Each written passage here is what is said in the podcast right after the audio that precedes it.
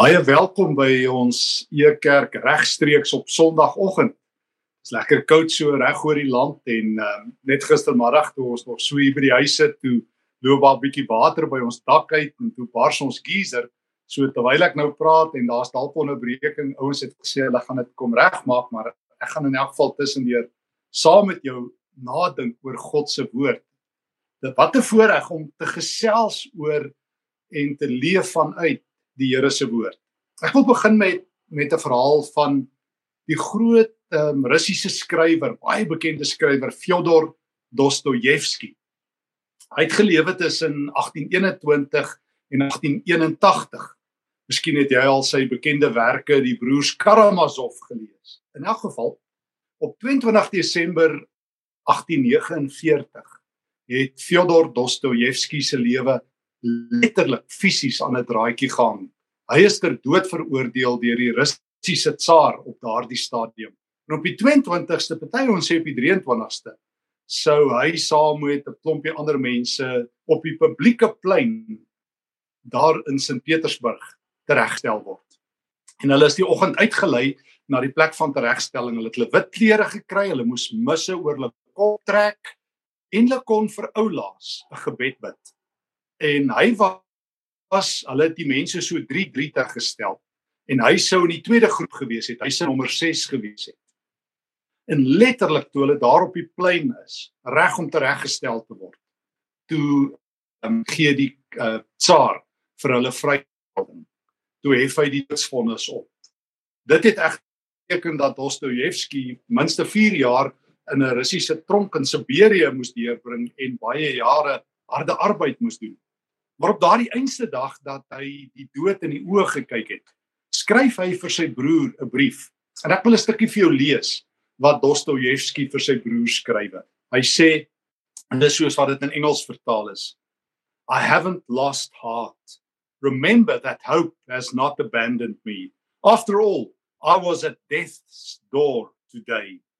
I lived with that thought for 3 quarters of an hour. Hy het letterlik die dood in die oë gekyk. I faced the last moment and now I'm alive again. Now, changing my life, I'm being regenerated into a new form. Brother, I skryf dit vir sy broer. I swear to you that I will not lose hope and I will preserve my heart and spirit in purity. I'll be reborn for the better. That's my entire hope. Hy vertel dat hy die dood in die oë gekyk, hy's herbore. Hy's nuutgebore. En dit is interessant dat hy daarna ook baie oor geloof geskryf het en nagedink het. Hy sê hy's nie meer bang nie. Hy het die dood in die oë gekyk, niks kan niks kan weer dieselfde wees nie. Partykeer het 'n mens so 'n krisis in jou lewe nodig. Het jy nodig om die om om om letterlik gekonfronteer te word met die harde feite van die lewe. Want vir baie mense, gelowiges in kluis, raak die lewe maar so eentonig gereël maar ons lewe maar so op uh, outomaties soos wat die vliegtye sê op autopilot soos wat baie van ons motors doen uh, maar so bietjie op bestuur. Jy sit maar die hulle aan en dan gaan jy maar so saam met die vloei. Dit maak dat 'n mens soos wat die Engelse sê so bietjie numb so bietjie afstop so bietjie koud raak so bietjie die lewe dieselfde oë as al die ander mense.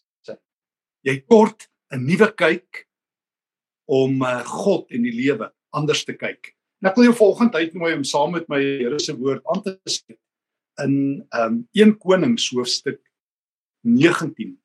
Die verhaal van die groot man van God, die grootste profeet van die Ou Testament, Elia, man van die Here. O, 1 Konings 18 net baie goed vir hom afgeloop.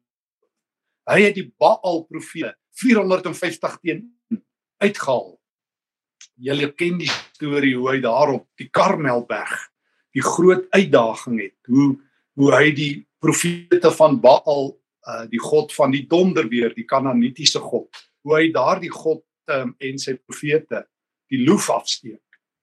En uiteindelik is Elia soos wat die Hollanders sê at the top of his game. Hy is daarbo. Ag hy hy die hele volk hoor van hom en roep uit dat die Here daar is. 24 uur later het alles verander. Dan moet uh hierdie magtige profeet vlug vir sy eie lewe. Ek lees in 1 Konings 19 vers 1.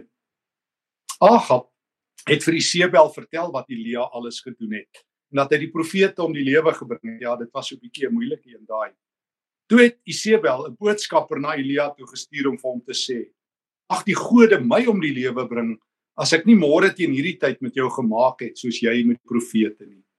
Elia het bang geword en ter wille van sy lewe gevlug. Toe hy in Berseba in Juda kom het hy sy slaaf daar agtergelaat. Hy het self 'n dagreis ver in die woestyn ingegaan. Daar het hy onder 'n besembos gaan sit en gewens hy was dood. Hy het gesê nou is dit genoeg, Here neem my lewe want ek is niks beter as my voorvader. Toe gaan lê hy net daar onder 'n besembos en hy raak aan die slaap.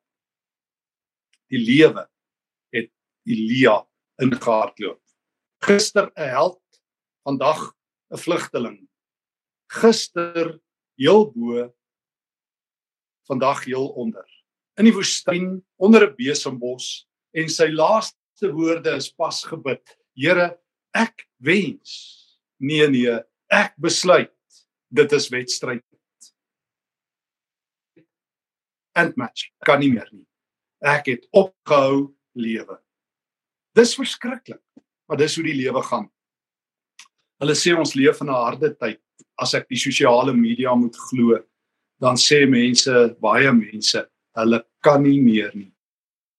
Net in volgens se koerant word daar vertel dat die hospitale buite beheer vol is hier in Suid-Afrika dat uh, die dokters nie genoeg suurstof en wat alles beskikbaar het vir mense wat siek word nie. Mense verloor hulle werk.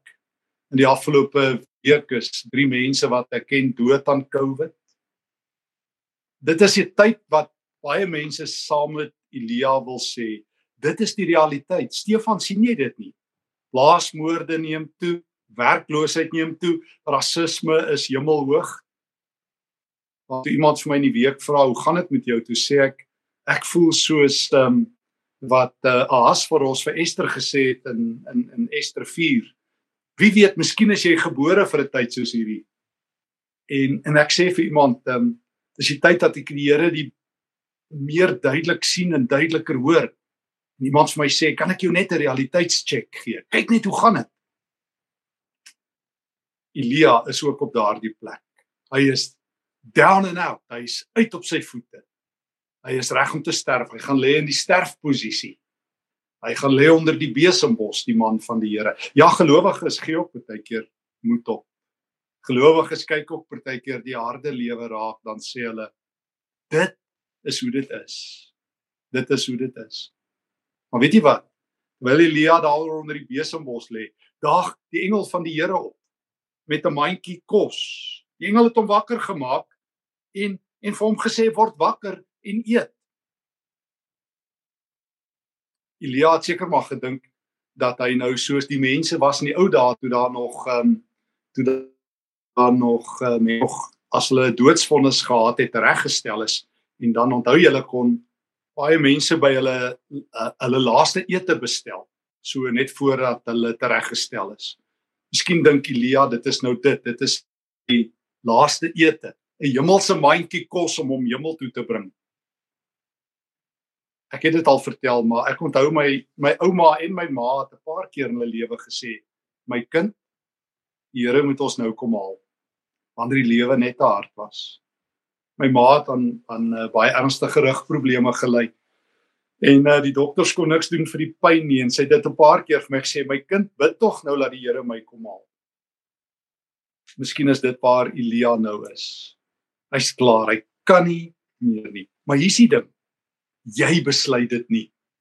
Jy besluit nie wanneer die wedstryd verby is nie.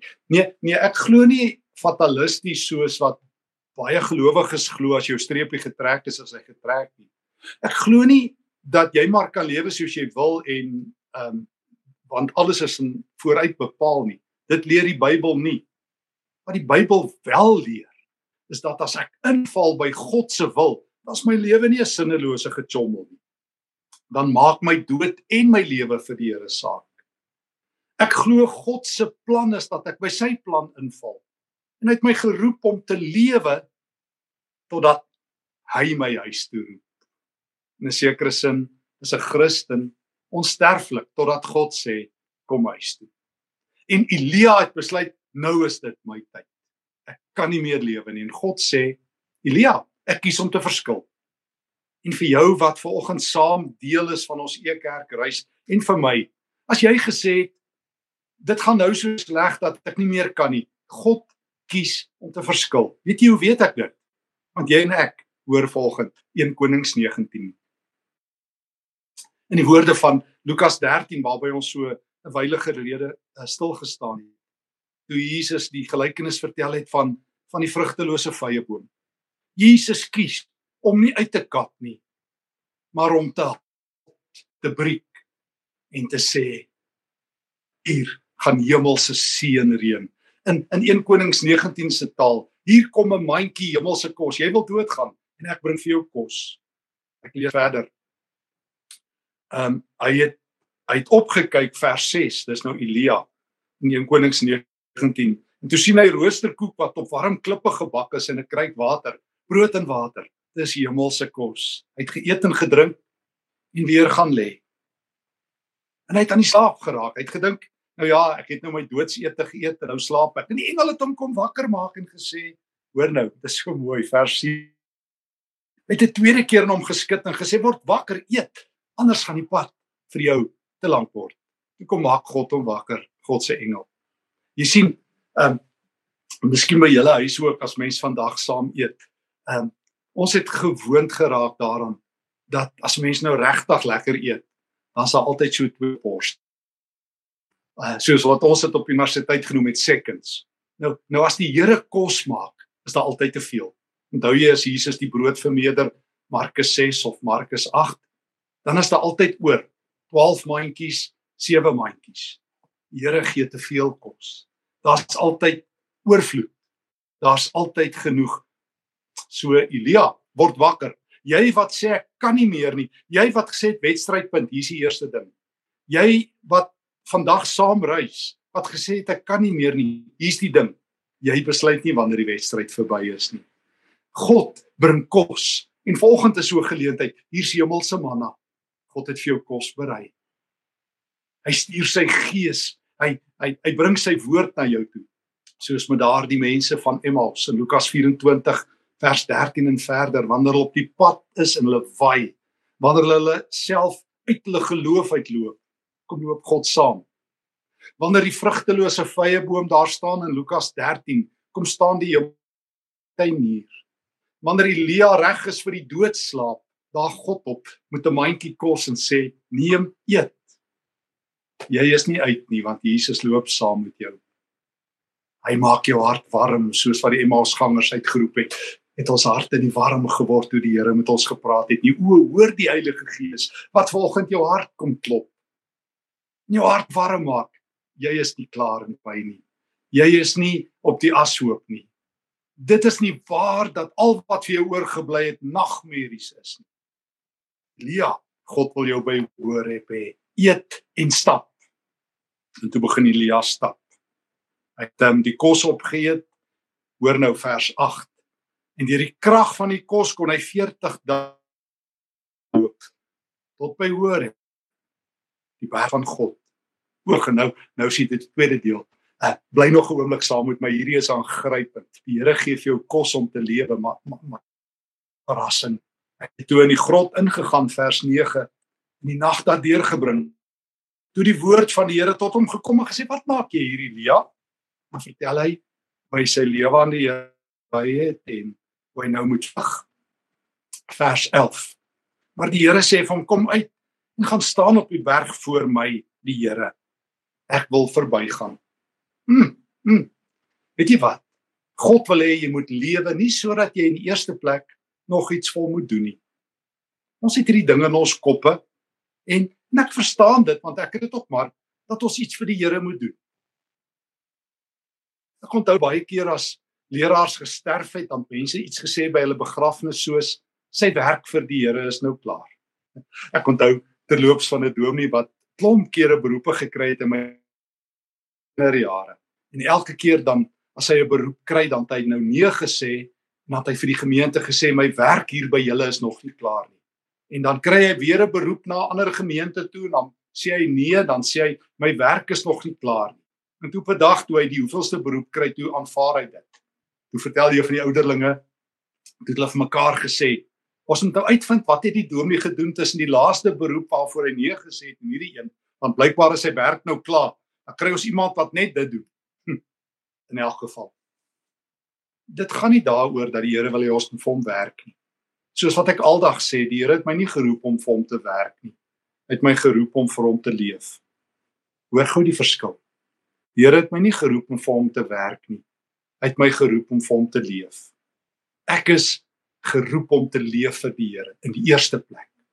As die Here wil, sal ons volgende week 'n bietjie kyk oor hoe hoe leef ek ook werk ek vir hom. Maar Elia, luister, jy kry kos nie in die eerste plek sodat jy vir die Here iets moet gaan doen nie. Uh, en asof dit nou waar is dat jou werk nog nie klaar is nie. God het 'n verrassing vir jou. Hy wil hê jy moet hom ontdek. Jy moet die Here nie sien. Dink gou 'n bietjie, ehm um, voordat ons nou weer na ons teks kyk, jy as 'n ouer. Wat is jou grootste vreugde as jou kinders by jou is? Veral as jou kinders al uit die huis uit is of as jy klein kinders het, is die grootste vreugde om saam te kuier. Jy vertel nie vir almal wat jou kinders doen nie. Jy vertel dat jy lief is vir jou kinders, dat hulle by jou bly, dat hulle dat hulle in jou huis is. Dis wat God wil hê. God wil sy hart vir Elia wys. Want Elia het soos ons net nou vir mekaar gesê het 'n bietjie afgestomp. Weer die Engelse woord, hy't genam. Hy't gewoond geraak aan heilige dinge. Daarom het hy beter geraak om moeilikheid raak te sien as om die Here raak te sien. Hy het beter daarop geraak om probleme te ken as God. En nou sê God, ek het 'n verrassing. Klim teen my berg op. Ek wil my hart vir jou wys. Ek wil hê jy moet eet en my sien. En nou sien Elia die Here. Kom ons hoor. Die Here wil voor hom verbygaan. Net soos met Moses in Waarste Eksodus 33 dat die Here vir Moses so in 'n rots sit as die Here voor hom verbygaan kom openbaar God hom aan hierdie profeet van hom skielik was daar 'n baie sterk wind wat die berg stukkend geruk en die rotse gebreek het voor die Here o God word met wind geassosieer die magtige rukwinde onthou jy die koms van die Heilige Gees in Handelinge 2 die wind van God maar in die wind was die Here hierdie keer nie Na die wind was daar 'n aardbewing. Maar in die aardbewing was die Here nie. Na die aardbewing was daar 'n vuur, maar in die vuur was die Here nie. 3 keer is daar hierdie magtige tekens. En God het dit al gebruik, die wind, die vuur, die aardbewings. Onthou jy? Onthou jy by Eksodus 20 toe die Here op die um, die berg vir Moses die wet gegee het en die volk in vrees en bewering neergeval. Maar Elia God gaan op 'n nuwe manier moet praat. En na die vuur was daar 'n fluistering in die windstilte. Toe Elia dit hoor, het hy sy gesig met sy mantel toegemaak en en toe praat die Here met hom in die sagte stilte. O Elia, God wil sy hart op 'n nuwe manier vir jou wys. God wil in die woorde van Sefanja 3 vers 20 sê, ek is stil tevrede met jou.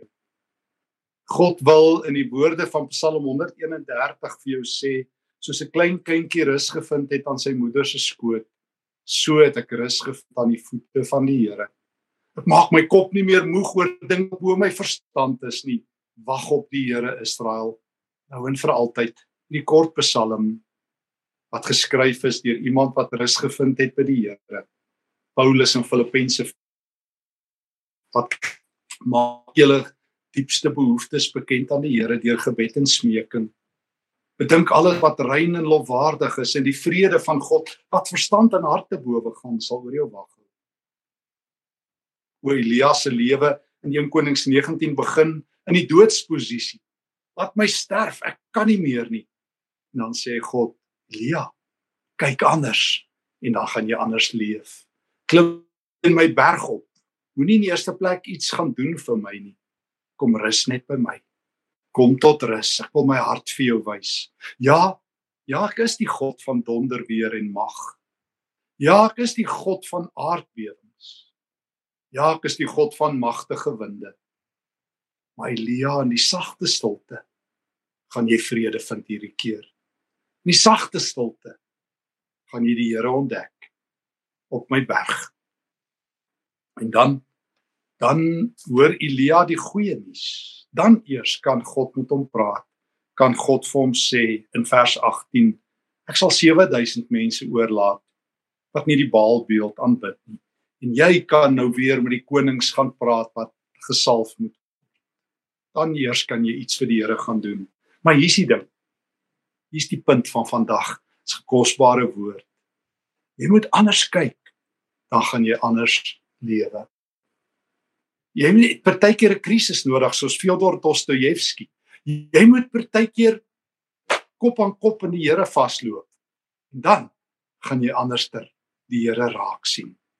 Dit was um, die groot um, net die een aanhaling hier aanhaal dit Viktor Frankl wat in die uh, Tweede Wêreldoorlog in 'n konsentrasiekamp in Auschwitz verwant het. Wat hierdie woorde skryf en ek wil dit net lees. Hy sê everything can be taken away from a man but one thing the last of the human freedoms to choose one's attitude in any given set of circumstances. Jy het die keuse hoe jy na die lewe wil kyk. Nee nee nee, God wil jou help. Want as jy al reeds die keuse uitgeoefen het saam met Elia, is klaar met ons. Kom ons gaan lê die besembos en wag vir ons laaste ete. Here, U moet my man nou kom haal. Soos baie mense, dit gaan nou so sleg. Nou moet jy ons wegraap of ons moet iets doen, ons moet net wegkom. Te veel mense sit in 'n geestelike banker. Te veel mense sit by een of ander geestelike lughawe en wag vir die volgende vlug hemel. Veel die Vader ek bid dat U hulle die wêreld wegneem. Ek bid dat U hulle van die bose sal bewaar. Terwyl jy nou so lê in die sterf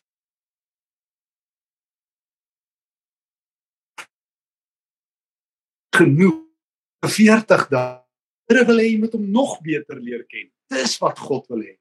Hy wil sy hart aan jou wys. Nie in die eerste plek moet jy iets vir hom gaan doen. Hy wil sy hart aan jou wys.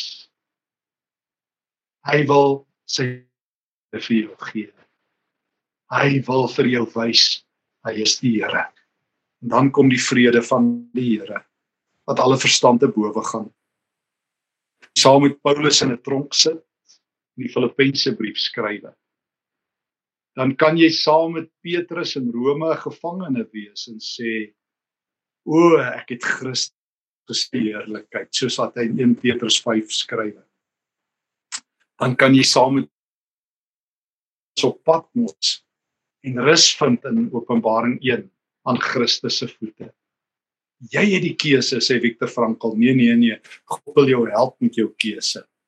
Hy bring 'n mandjie hemelse kos. Hy bring hemelse manna. En in die sagte fluistering van die wind kom praat hy vandag. Hoor jy die Here? Kom tot bedaring. Klim hoër op teenoor het. Die woorde van Habakuk 3 vers 17 19 op hoë plekke laat hy my vakloop. Hy gee my voete van 'n ribbok. Hy gee vir my 'n mandjie kos om aan te hou. Dit is die kenmerk van gesteer al die eeue. Dostojewski moes hy dood in die oë kyk voordat hy anders geleef het. Elia moes sy mandjie kos eet voordat hy anders geleef het. Wie weet, miskien is vanoggend se woord die oomblik dat jy jou lewe vir altyd verander. Al is jy 'n gelowige waar jy kyk van die Here aanleer, waar jy leer om aan die Here se voete tot rus te kom, waar jy hom hoor in die sagte windstilte. Ek weet nie hoe die Here praat met jou nie, maar ek weet hy praat deur sy gees. Mag dit vandag wees dat jy in die gees rus vind. Dat jy hoor die Here is by jou. Dat jy hoor hy het nie opgegee op sy wêreld nie. Dat jy anders gaan leer kyk oor die Here se woord. Kom ons bid saam. Dankie Here dat U ver oggend my saam met Elia by Horeb teen die berg opneem. Dankie dat ook ek ook saam met hom om die besembos kon lê. Maar dankie Here dat U 'n mandjie kos gebring het deur die engel sodat ek U kan hoor. Dankie dat ek U volgende dalk hoor in die sagte stilte, in nie net in die aardbewings nie. Here, daar's so baie mense wat onder besembosse lê en wens hulle gaan dood. Kom Here en vat hulle hoor het toe. Gebruik ook vir my. Maar dankie dat ek volgende aan U voete kan rus. Dat ek saam die psalmskrywer kan sê 'n uur in U teenwoordigheid, 'n dag in U teenwoordigheid is beter as 'n duisend arbeid. Troos my deur die Heilige Gees. Praat met my, praat met baie mense in hierdie dae in Jesus se naam. Amen.